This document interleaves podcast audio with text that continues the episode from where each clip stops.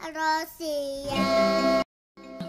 Bismillahirrahmanirrahim para tulur, sahabat, teman sekalian yang menyimak perbincangan kita pagi hari ini. Saya ingin mengawali bagaimana kita mendesain kemenangan Ramadan di tengah wabah pagi ini dengan mengingatkan satu hadis yang sangat istimewa, sangat bagus, sangat memotivasi kita, membuat kita bisa bisa uh, tegak berdiri di tengah kesulitan yang kita hadapi. Oh. Salah satu hadisnya adalah dari Syuhaib. Ia berkata Rasulullah SAW bersabda, "Ajabali amril mu'minin, inna amrahu kullahu khairun, wa laisa dzalik li ahadin illa lil mu'min." In asabathu sarra syakara fakana khairan lahu, wa in asabathu dharra sabara fakana khairan lahu bahwa ajaib sekali, sungguh menakjubkan keadaan atau perkaranya orang yang beriman itu. Seluruh urusannya itu pasti akan menjadi kebaikan bagi dia. Dan ini tidak terjadi kecuali pada seorang mukmin. Jadi kan istimewa orang mukmin itu Mbak Nima. Ya ini bagaimana?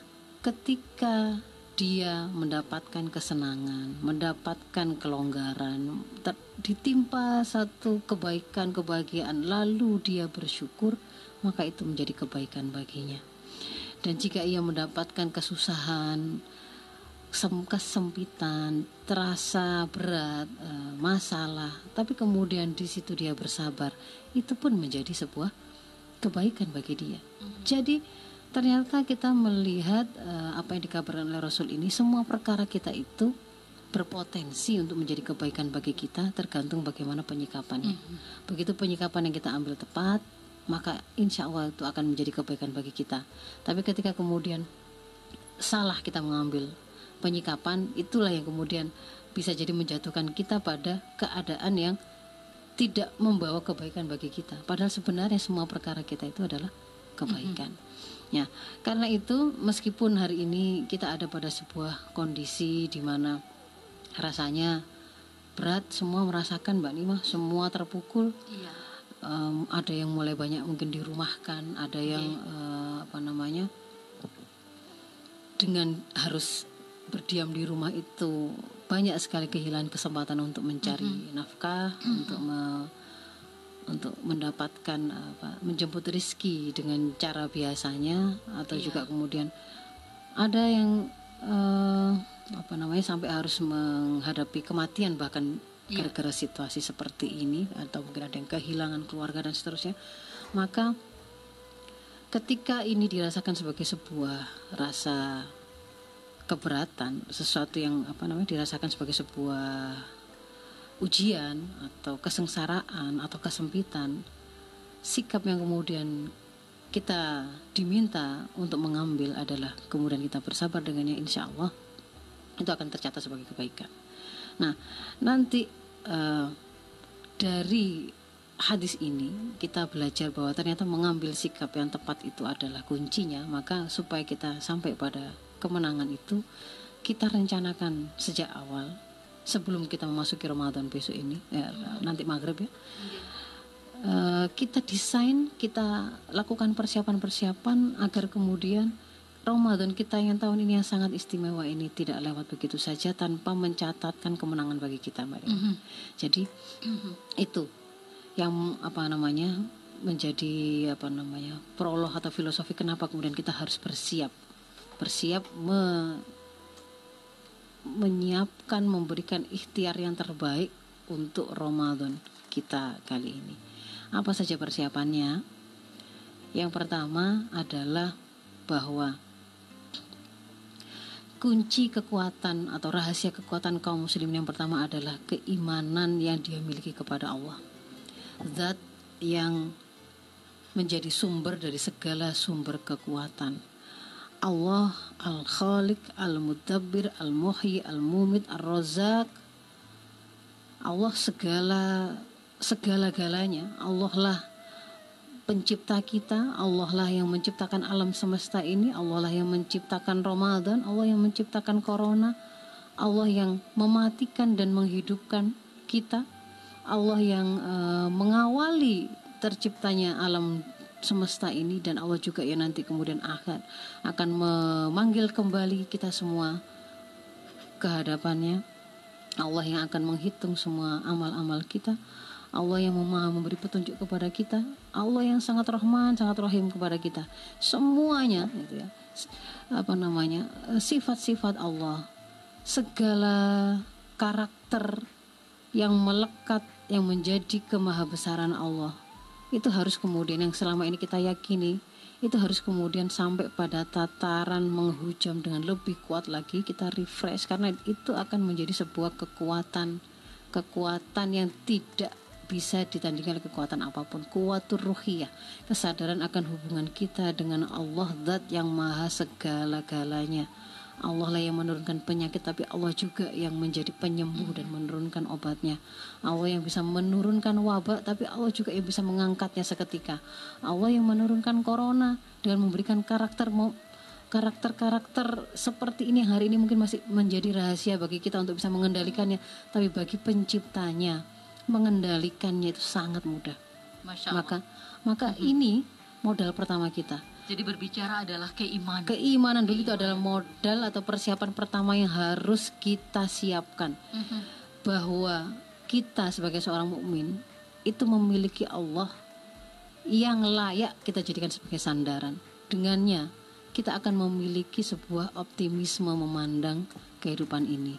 Dengannya kita akan memiliki sebuah kekuatan yang melintasi batas-batas kemampuan yang bersifat fisik sepertinya yang ada di hadapan kita yang mungkin banyak keterbatasannya. Iya. Kayaknya kalau kemudian tidak ada ventilator, kayaknya kalau kemudian tenaga medis jumlahnya yang sangat terbatas seperti itu, mungkin kita tidak akan tidak ada seperti itu. Iya. Seorang mukmin masih memiliki apa namanya keyakinan bahwa ada Allah. Mhm. Allah itu nggak membutuhkan ventilator untuk bisa membuat manusia bernafas. Masya Allah. Maka harapannya seorang mukmin itu tidak hanya dibatasi oleh pada seberapa banyak jumlah layanan kesehatan kita, seberapa banyak jumlah ventilator yang tersedia, seberapa dekat dia ter- bisa mengakses kepada pelayanan kesehatan enggak, enggak di situ. Tapi pertama kali dia harus bangun dalam dirinya keyakinan bahwa sandaran kita itu adalah haruslah sesuatu yang lebih yang memang paling layak untuk dijadi- dijadikan sandaran sehingga kita akhirnya memiliki kekuatan yang bersumber dari kekuatan tidak ada batasannya. Ya, Ustazah, Mm-mm. eh, bagaimana kekuatan yang kemudian bersumber pada kekuatan Allah, kemudian pada satu sisi kita dihadapkan pada keterbatasan-keterbatasan yang sangat terbatas. Mm. Kekuatan kemudian kita gabungkan, ada iman di sini dengan kekuatan Allah. Ya. Jadi iman ini dulu Mbak Nima ya. Memang Iman harus dulu. iman ini dulu kenapa? Dan justru di sini nanti akan menjadikan kelebihan kaum muslimin daripada yang lain.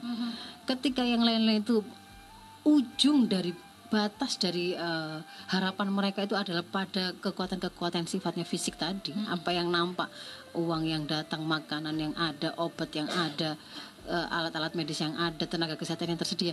Kalau kemudian batasan itu di situ, keamanan itu hanya kepada apa yang disiapkan oleh eh, aparat dan seterusnya, maka ketika dia melihat kok tidak memenuhi apa yang di- dibutuhkan, maka dia akan runtuh harapannya. Imunitasnya itu akan jatuh Itu daya tahan tubuhnya itu akan semakin rendah dia akan semakin pesimis memandang kehidupan. Dia akan akhirnya memiliki kekuatan untuk menjalani kehidupan berikutnya lebih lemah.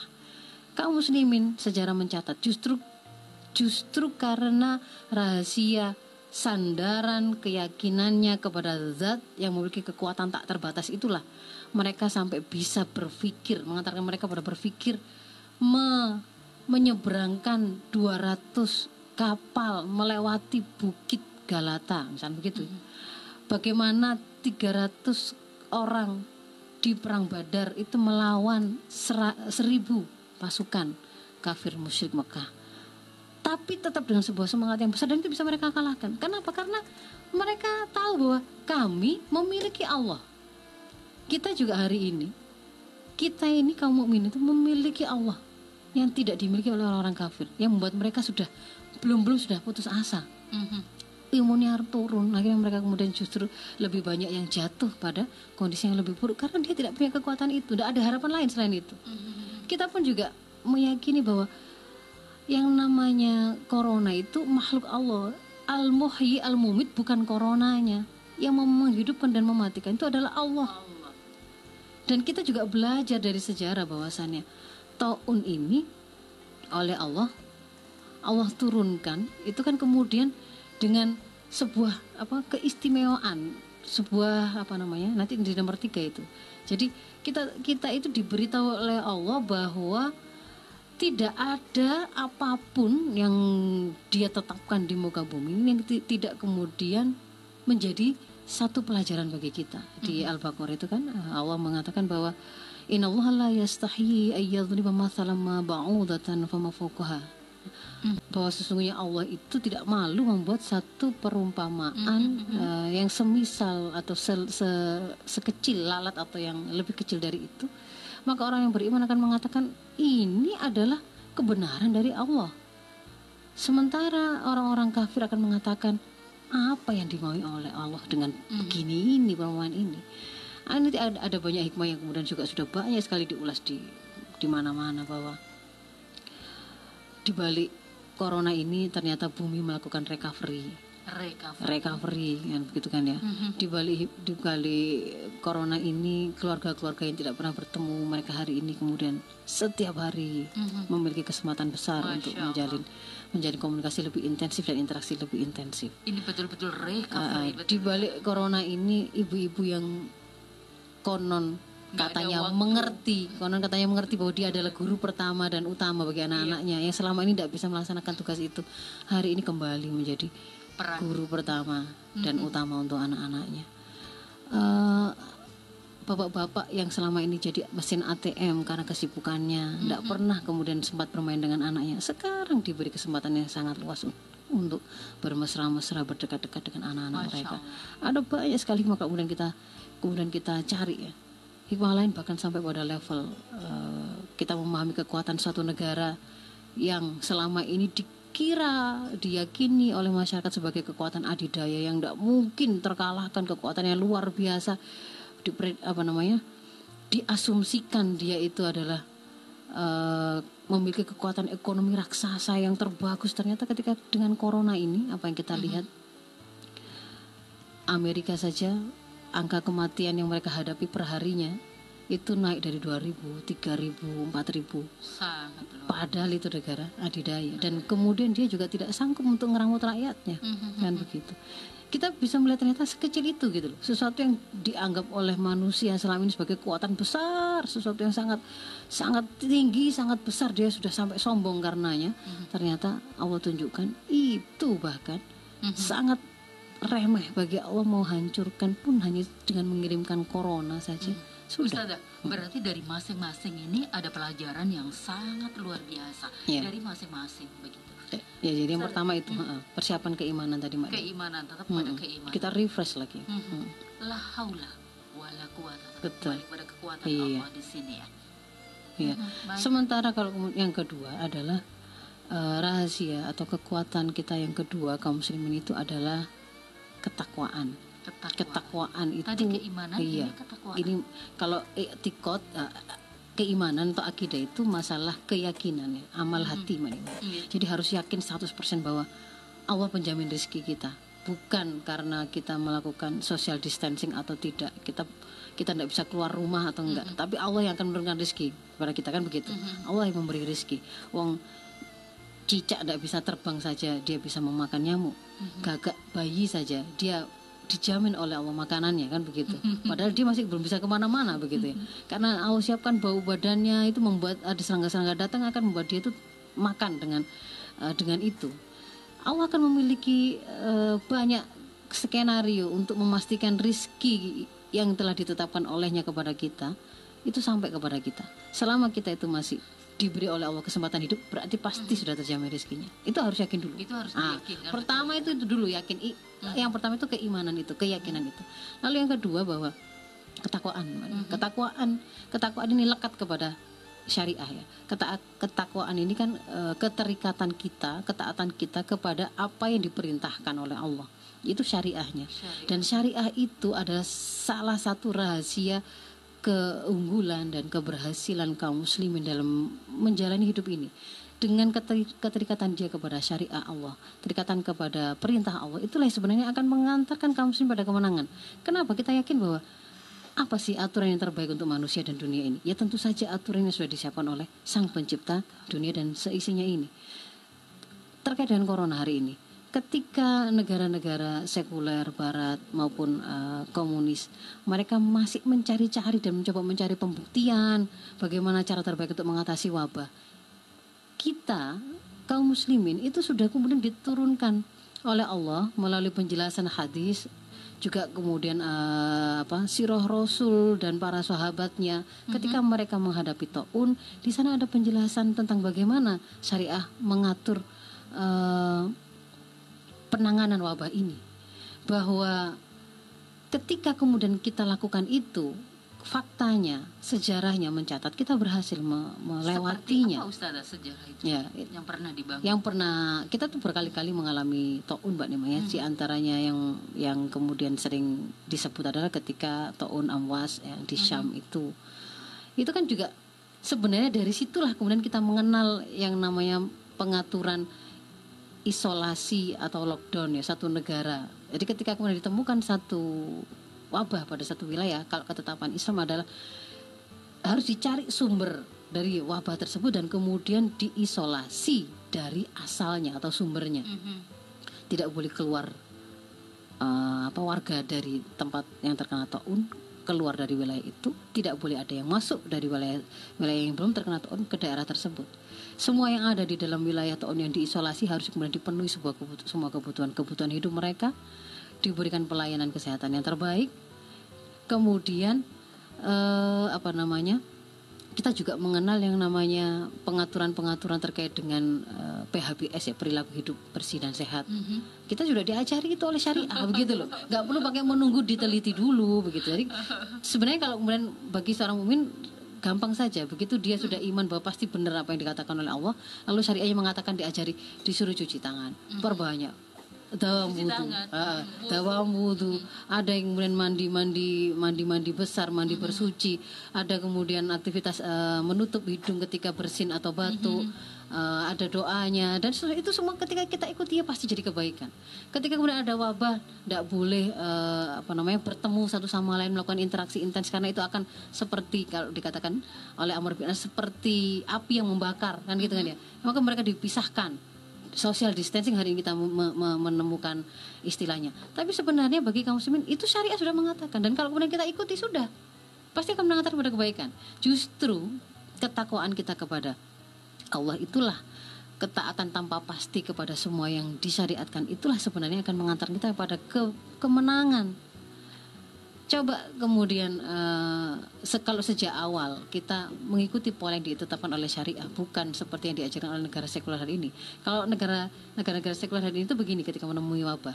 Prinsip pertama adalah mereka menutupi dulu.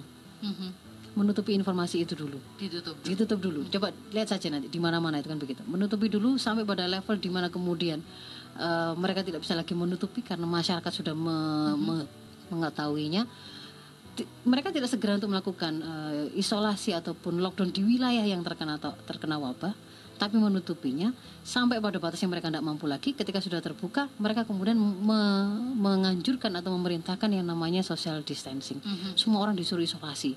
Akhirnya kan begitu. Ketika diisolasi begitu dan ketika kondisi itu susah dibedakan mana yang mana yang positif, mana yang negatif, mana wilayah yang sudah sudah uh, terkena wabah, mana yang enggak, campur baur maka akhirnya kan semua dirumahkan. Ketika semua dirumahkan yang sakit yang sehat semuanya tidak bisa beraktivitas. Hmm. maka itu menjadi sebuah pukulan yang berat untuk semua aspek kehidupan. Ekonomi secara global mengalami keruntuhan kan begitu. Hmm. padahal sebenarnya kita ini berulang mengalami begitu itu mbak Dima jadi, yang terjadi di di Syam itu tidak membuat yang ada di Mekah di Madinah harus juga tutup aktivitasnya. Karena sebenarnya yang sehat masih tetap bisa beraktivitas untuk menopang kehidupan kehidupan di masyarakat. Artinya taun itu berkali-kali terjadi. Iya. Hmm. Dan apa namanya? Uh, pada saat yang sama ketika masa khilafah itu kita pernah mengalami taun dan Eropa juga pernah mengalami taun mereka belum mengenal bagaimana menangani taun itu. Akhirnya uh, kita tetap berhasil tetap dalam sejarah itu tetap melakukan futuhat kita tetap mengemban dakwah Islam ke seluruh alam kita tetap menyelesaikan agenda-agenda besar begitu ya. Sementara Eropa pada waktu itu mandek dulu kan begitu. Nah itu yang kedua ya bahwa kita harus yakin bahwa kekuatan kemenangan kita terletak pada ketaatan kita pada syariat Allah. Syariat itulah yang terbaik, aturan yang terbaik untuk kita lakukan. Yang ketiga adalah bahwa Ramadan kita tahun ini adalah Ramadan yang istimewa. Apa istimewanya? Selain Ramadan yang di tahun-tahun mana pun dia akan pasti tetap istimewa, Mbak Nima. Bahwa dia adalah Syahrul Mubarak, dia di dalamnya itu semua kebaikan dilipat gandakan pahalanya atau balasan bahwa di dalamnya itu ada satu hari yang satu malam yang itu lebih baik dari seribu bulan bahwa di awal sepertiga awalnya itu dipenuhi dengan awalur rahmah wa ausatu maghfirah wa akhiru itkum nanar itu ya. Ramadan itu Allah masa Allah memberkahi dan membanyakkan rezeki dari kamu itu tetap tetapi bahwa ada satu tambahan lagi. Ramadan kita tahun ini semakin istimewa karena tahun ini bersamaan dengan datangnya wabah yang kita tidak tahu. Bisa jadi tidak semua orang loh mengalami kesempatan mm -hmm. seperti itu. Dia bukan datang setiap ada jadwalnya kan gitu ya tidak satu tahun sekali tidak tidak sepuluh tahun sekali tidak tahu tapi ketika kemudian itu menimpa kita pasti ini menjadi sebuah kesempatan yang bisa kita rubah untuk menjadi kebaikan bagi kita.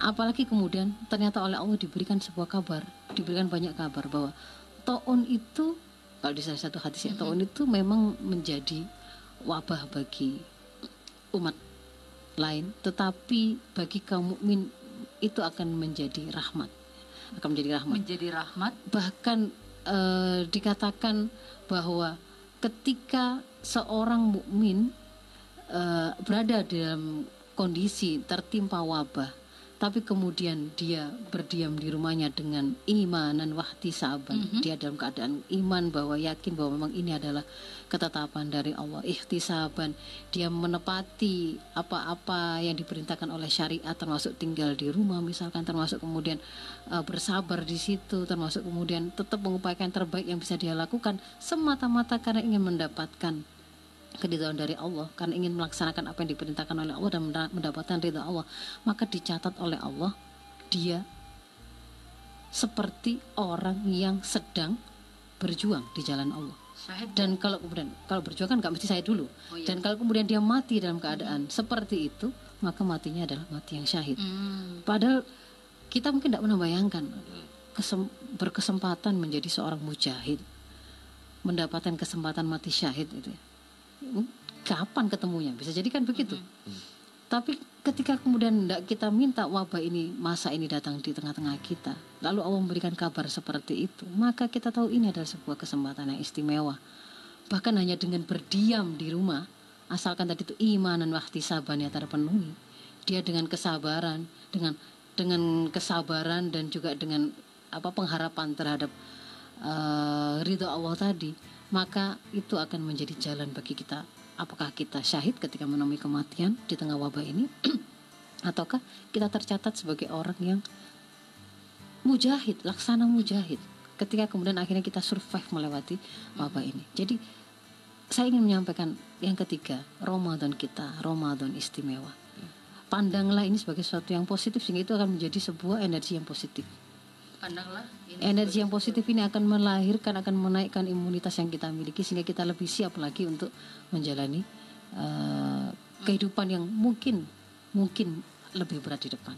Jadi Ramadan ini tetap Ramadan bisa melaksanakan iya. Ramadan dengan seperti ya dengan istimewa betul ya. Iya betul. Mm -hmm. Kemudian yang ketiga, eh, yang keempat ya Mbak Nima. Yang keempat. Tetap bahwa karena Ramadan ini sebuah kesempatan yang sangat istimewa. Tidak semua orang ketemu untuk bisa ketemu dengan Ramadan. Kita tidak tahu juga ini. Meskipun hari ini saya ngomong tentang ini, kita ngomong ini, kita itu tidak tahu, tidak ada, tidak ada yang tahu.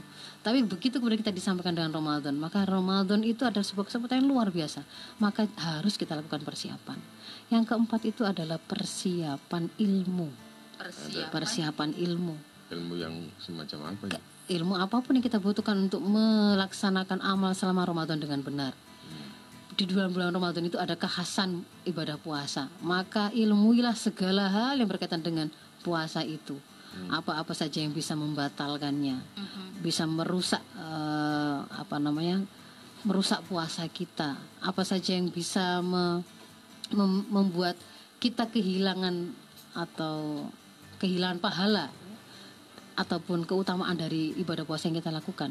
Kenali bahwa di dalam Ramadan itu kan ada banyak ibadah-ibadah yang tidak ada di bulan lain. Di situ ada tarawih, Ada tarawih.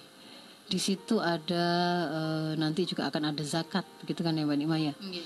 Ada ibadah-ibadah yang khas, misalkan terkait dengan puasa itu ada sahurnya, ada bukanya, ada doa ketika sahur, ada doa ketika berbuka, ada ada qiyamul lainnya dan seterusnya itu ilmui semua supaya kemudian kita bisa mengamalkannya itu dengan keyakinan dan dengan kepastian karena ilmu itu laksana penerangannya. Barangkali ini bisa dijelaskan mengilmui. Misalkan salah satu adalah ketika membaca Al-Qur'an, apa yang harus kita ilmui tentang ketika kita berdekatan dengan Al-Qur'an di bulan Ramadan ini?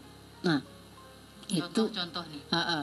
itu nanti memang termasuk dalam apa namanya persiapan yang ke lim, ke enam ya Oh, ada kita harus lagi ya? memprogram ah, ah. Mhm. jadi kalau misalkan dulu itu bahkan sampai Imam Malik itu ketika Ramadan datang majelis-majelis yang sifatnya rutin itu bahkan kemudian sementara diliburkan karena beliau ingin mengkhususkan memperbanyak interaksi dengan Al-Quran, mentadaburinya, mengkaji hukum-hukumnya itu di- diagendakan secara khusus. Jadi, jadi ketika kemudian kita mau berinteraksi dengan Quran itu ya ya membacanya. Iya memahami. Jadi membaca itu kan berarti juga mempelajari cara membacanya tajwidnya makhorijil hurufnya kan itu itu dipelajari. Setelah itu kemudian mencoba memahami apa yang difa yang diajarkan dalam apa yang kita baca memahami apa hukum-hukum yang disampaikan apa pesan-pesan syariah yang ada di situ misalkan apa pelajaran yang disampaikan. Lalu kemudian kita mengamalkannya. Kita mengajarkannya, kita menyampaikannya, bahkan pada level eh, bermasyarakat bernegara kita menerapkannya secara keseluruhan. Itu berawal dari interaksi kita dengan Al-Qur'an, begitu. Coba. Kalau itu pertanyaan Mbak Nima tadi ya. Iya. Lanjut ke Mhm. persiapan tadi ya, ilmu ya. Jadi tadi persiapan ilmu harus di apa namanya? diilmui hal-hal yang berkaitan dengan syariah terkait dengan hal-hal yang membatalkan atau eh, yang merusak puasa kita dan ibadah-ibadah lain itu harus diilmui termasuk juga bisa jadi ilmu-ilmu yang eh, masih berhubungan dengan keoptimalan ibadah kita di bulan puasa tersebut. Misalkan bagaimana eh, makanan yang baik untuk sahur gitu kan. Banyak itu tinggal browsing saja cari. Uh, uh, kita juga mengetahui keutamaan-keutamaan yang jangan sampai kita lewatkan di situ, lewatkan. Contohnya mengawalkan berbuka dan mengakhirkan sahur, padahal itu kan remeh sepertinya. Tapi itu ketika kemudian kita tidak tahu, kita tidak bisa jadi kita melewatkan keutamaan itu kan eman. Mhm. Ada banyak ist, apa namanya doa-doa zikir wirid yang kemudian juga di apa diajarkan itu kita kita ilmui itu ada ada sodako ada berbagi yang kemudian akan dilipat gandakan oleh pahalanya di sini. Kita tahu kita amalkan itu. Jadi mengetahui dulu akan membuat kita bisa tahu apa yang harus kita amalkan. Jadi lalu kita mendapat kita mencari ilmu, kita ilmui, kita browsing-browsing, baca dengarkan ceramah apa, apa pun Nah, ya. Mhm. lalu yang berikutnya setelah kita mengilmui kita melakukan persiapan eh, pemrograman membuat agenda kita membuat agenda ini kan kesempatan langka Mhm. jangan sampai asal-asalan Kita ketemu sama keluarga loh ini. Ah, ah. jadi bikinlah program apa yang kemudian seharusnya dan sebaiknya dan paling optimalnya itu kita agendakan dalam Ramadan ini supaya kemudian tidak terlewatkan Iya. ya mau apa namanya oh saya tarawihnya bersama keluarga nanti di, setelah itu kultumnya nanti gantian antara bapak dan anak-anak misalkan apa ya tadarusnya bagaimana nanti di situ ada upaya untuk mengkaji satu ayat satu eh, satu orang untuk mencoba mengajarkan mulai dari cara bacanya, tajwidnya, makhluk misalkan begitu. Diatur saja rancangan rancangan agenda yang kita inginkan supaya itu menjadi lebih Iya. optimal. Jadi bisa diagendakan kemudian ini adalah Ah, ah. waktu di mana berkumpul loh. Iya, Ini apalagi berkumpul kemudian, bersama ah, apalagi kemudian hari ini Ramadan kita istimewa, kesempatan kita tuh Istimewa. lebih banyak di rumah, betul-betul manfaatan itu untuk menghasilkan produk-produk dan juga amal-amal yang akan apa, misalkan akan ber akan berkelanjutan begitu menjadi tinggalan bagi kita berkelanjutan. Misalkan kita meng- menghasilkan produk dakwah, video-video kebaikan gitu Mbak Nima ya. itu kan nanti akan menjadi jejak rekam kita meskipun kita sudah ndak ndak ada di dunia ini itu akan menjadi rekaman Masya kebaikan bagi kita Maka Ya. selekasnya bikin agenda. Yuk kita bikin Ya, agenda. program. Kita agenda akan kita programkan. yang berikutnya persiapan berikutnya adalah persiapan fisik mbak Nina Fisik, oh ya. Nah, fisik. Jadi mulai latihan sebenarnya kalau ini ya sudah sejak sebelumnya ya harusnya kalau para sahabat itu mengajarkan sejak Saban memang mereka sudah akhirnya mulai banyak melakukan puasa karena supaya nanti itu lebih mudah dan terasa terasa ringan melaksanakan amalan-amalan kebaikan selama Ramadan itu. Nah, yang berikutnya adalah juga eh, persiapan apa namanya? Eh, mal ya, harta. Maksudnya persiapan harta ini apa? Kalau orang mungkin persepsinya mengiranya, oh menyiapkan harta itu untuk nanti supaya buka puasa sahurnya terjamin bukan bukan itu sebenarnya. Lebih kepada bahwa di dalam Ramadan itu kan semua amal kebaikan itu kan dilipat gandakan pahalanya kan. Termasuk juga yang sangat diutamakan yang sangat dianjurkan itu adalah memperbanyak sodako dan memberi buka. Mhm. di situ juga ada pembayaran zakat. Jadi persiapan mal sejak awal itu juga nanti alokasinya itu biar nanti sodako banyak-banyak gitu di Ramadan ini. Mhm. Bisa ngasih banyak orang berbuka banyak-banyak di sini gitu. Jadi bukan bukan itu tadi ya bukan soalnya kan nanti kan harus hari raya untuk beli baju baru atau enggak bukan itu sebenarnya persiapan persiapan malnya bukan untuk ke situ Baik, Konvensional. ya jadi eh, saya kira itu dulu mbak Nima Ya baik. Mas Almi ada yang Ya, tanyakan? berarti harus ada persiapan-persiapan Ramadan. Ustazah, ada pertanyaan di WhatsApp. Assalamualaikum dari hamba Allah. Waalaikumsalam. Ustazah, bagaimana kita sampai pada sikap bahwa harus bersyukur dan sabar? Mm-mm. Bagaimana kita bisa sampai pada sikap syukur dan sabar?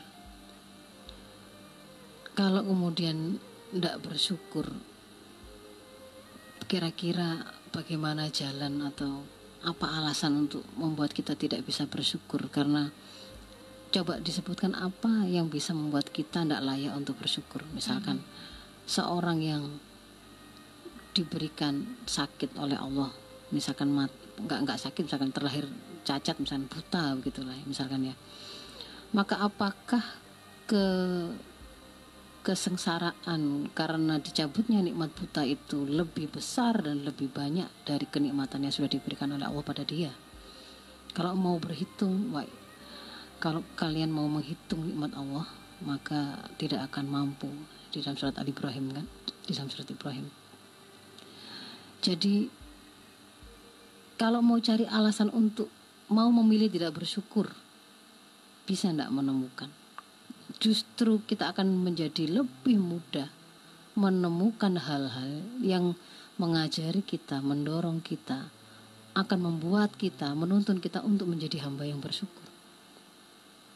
Karena terlalu banyak sebenarnya kenikmatan-kenikmatan yang diberikan oleh Allah pada kita itu yang kita tidak bisa menghitung.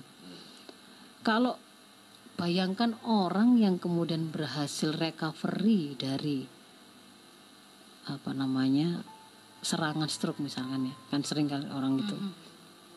Mulanya bisa menggerakkan tangan mulanya bisa ngomong mulanya bisa jalan tiba-tiba karena serangan stroke tidak bisa lumpuh separuh ketika kemudian akhirnya dia harus mengalami perawatan dan ternyata keluar dari rumah sakit dia sembuh bisa menggerakkan kembali seperti semula. Bayangkan bagaimana rasa gembiranya.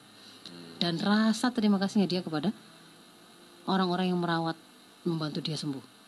Padahal setelah itu ya yang dilakukan oleh para dokter ataupun kemudian tenaga kesehatan yang membantunya itu tadi hanya mengembalikan satu nikmat yang sekian tahun dia itu rasakan diberikan oleh Allah tanpa biaya, tanpa kompensasi apa pun. Kok kemudian kita tidak pernah memiliki rasa terima kasih dan kegembiraan yang sebesar ketika kemudian pada saat itu tadi pernah dicabut sementara oleh Allah lalu dikembalikan lagi nikmat itu kita bersyukurnya kepada manusia yang sempat terlibat dalam menolong kita itu luar biasa rasa syukur yang sama atau mungkin jauh, mestinya jauh lebih besar itu tidak pernah kita tampakkan kepada Allah Ya. Jadi kalau kemudian pertanyaan gimana cara kita itu syukur ya cukup dengan mem- memahami apa yang sudah diberikan oleh Allah, merasakan bagaimana kasih sayang Allah luar biasanya nikmat-nikmat diberikan oleh Allah, pasti mengantarkan kita pada mestinya syukur, bukan kufur. Karena lebih banyak alasan untuk bersyukur daripada tidak. Sementara kalau sabar itu karena kita memahami kita sebagai manusia itu penuh dengan keterbatasan. Penuh dengan keterbatasan. Tidak bisa dengan kekuatan atau kemampuan yang kita punya. Kita tuh mau mengatur semua sesuai mau kita tuh tidak bisa. Tapi kita tahu bahwa ada zat yang tidak memiliki batasan dalam kekuasaannya. Dan itu adalah Allah. Maka kalau kemudian kita tahu saya terbatas, ada Allah yang tidak terbatas. Allah yang tidak terbatas kekuatan itu ternyata kemudian menetapkan keadaan itu seperti ini, pasti ada maunya. Dan Allah yang menciptakan saya dan sekarang sedang membuat saya ada dalam keterbatasan ini, itu adalah zat yang selama ini dan sampai kapan pun akan selalu menyayangi saya, memberikan saya kasih sayang, memberikan kenikmatan yang luar biasa kan. Bukan dia itu menginginkan keburukan bagi saya, pasti menginginkan kebaikan. Karena itu layaklah bagi saya untuk bersabar dengan sedikit ujian yang dia berikan. Ada maunya kan pasti begitu. Jadi ya itu pilihannya memang. Kalau nggak begitu apa? Ngamuk-ngamuk. Tetap tidak akan mengantarkan kepada dia bisa me- misalkan mengatur sesuai apa yang menjadi maunya dia karena keterbatasan kemampuan dia. Tapi itu akan menjadi sesuatu yang menyakitkan bagi dia karena dia tidak tidak memiliki kesiapan mental, kesiapan rasa, begitu kan ya, untuk bersikap dengan lebih ringan, lebih mudah. Jadi sebenarnya Iya. ketika ada kondisi seperti ini, Allah Iya. tidak menginginkan adanya keburukan begitu. Iya. Sebenarnya kan gini, kalau misalnya kita berdoa, ya, kita berdoa, lalu kemudian dikabulkan oleh Allah, Mhm. itu kan kita mengira itu kebaikan. Saya berdoa berdoa begini, ini dikabulkan oleh Allah kebaikan. Padahal sebenarnya pada kondisi orang berdoa itu mau dikabulkan sesuai maunya dia doanya tadi ataukah tidak dua-duanya menjadi kebaikan karena maknanya adalah berarti kita itu diberi oleh Allah dipenuhi apa yang menjadi maumu Mhm.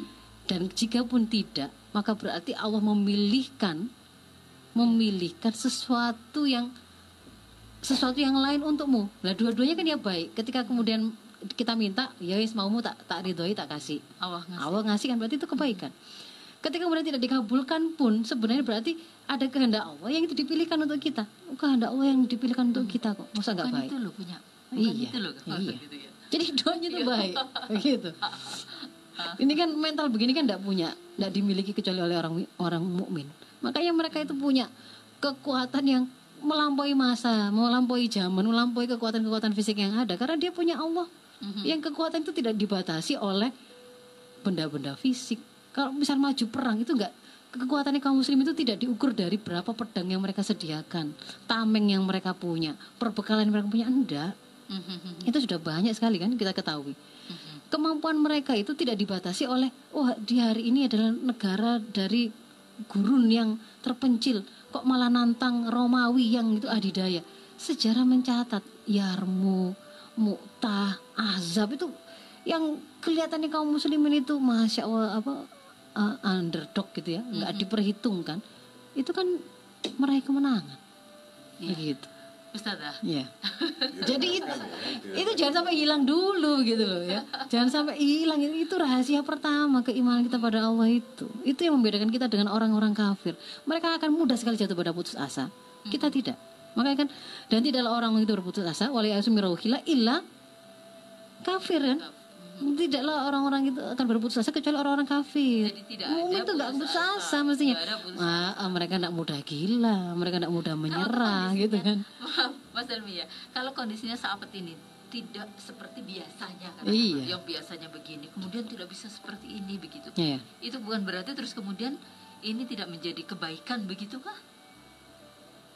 ketika kondisi tadi saya sampaikan Ramadan kita itu justru saya memilih kalimat Ramadan kita itu istimewa. Kalau Mbak Nima mengatakan ini kan tidak kondisi bukan kondisi biasa. Iya. Bukan kondisi biasa itu malah istimewa ini tuh. Malah justru Kita itu tidak bagaimana ya membayangkan ketemu dengan kesempatan diberi eh, menjalani puasa, menjalani kehidupan hanya tinggal di rumah saja, menang tok itu loh, sampai bisa tercatat sebagai orang yang berjihad itu ya apa ceritanya? Iya.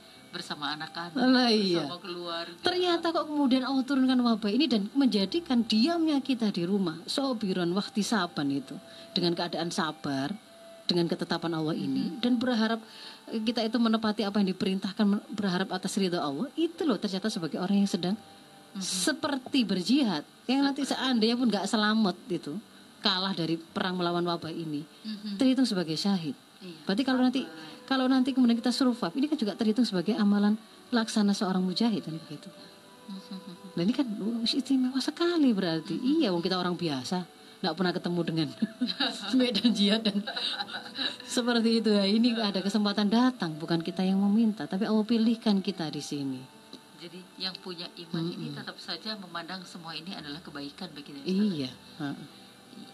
Dan itu sangat penting untuk meningkatkan daya tahan kita. Mhm. Coba lihat ikuti saja apa pemberitaan yang ada di sosmed. Mhm. mereka orang-orang yang tidak mengenal Allah, tidak tahu Tuhan, ketika kita- kondisi seperti ini, merasa sudah habis usaha daya yang mereka punya untuk menghadapinya, mau kembali ke mana? Mhm. Pasti kembalinya itu adalah kepada ya yang dia tahu. Ini kan ada yang bikin tuh dunia ini. Virus ini kan ada yang mendatangkan. Zat yang tidak terbatas kekuatannya. Siapa itu? Ya saya kembali ke situ. Kan begitu. Bagi kita Jadi kembalinya Ah, kita nggak nggak masih nyari-nyari tapi kita sudah ketemu itulah Allah yang selama ini kita sudah ikrarkan setiap hari saya iman kepadanya perbarui iman itu sampai pada tataran membuat kita memiliki keyakinan yang siap menyambut Ramadan ini dengan lebih baik sebagai Ramadan yang istimewa Ramadan istimewa. Ustazah, terima kasih banyak untuk pagi hari ini kita sampai di Ramadan istimewa. Mudah-mudahan Allah sampaikan ya kita di Ramadan 1441 Hijriah. Tidak tahu usia ya Ustazah ya. iya sih pokoknya kita disampaikan oleh Allah Ramadan ini selesai sampai Ramadan berakhir dan membawa kebaikan, kekuatan baru menghadapi 11 bulan berikutnya. Dipertemukan lagi dengan Ramadan yang akan datang. Amin ya Allah. Amin ya Allah. Semoga ada perubahan besar di dunia ini setelah wabah ini. Karena Amin. sudah banyak pelajaran yang diberikan oleh Allah di balik wabah ini. Begitu. Saatnya kita kembali kepada Allah, kembali kepada syariatnya, mentaati, mentaatinya dengan dengan penuh apa namanya ketundukan begitu ya dan penuh ketundukan dan momentum untuk me- menumbuh suburkannya ada di depan mata kita Ramadan. Semoga jadi hamba-hamba yang memiliki keimanan dan ketakwaan yang baru Amin. kita semua. Amin. Amin. Ya rabbal alamin. mohon maaf kalau ada hal yang berkenan. Assalamualaikum warahmatullahi wabarakatuh مرحبا يا شهر رمضان يا شهر الصيام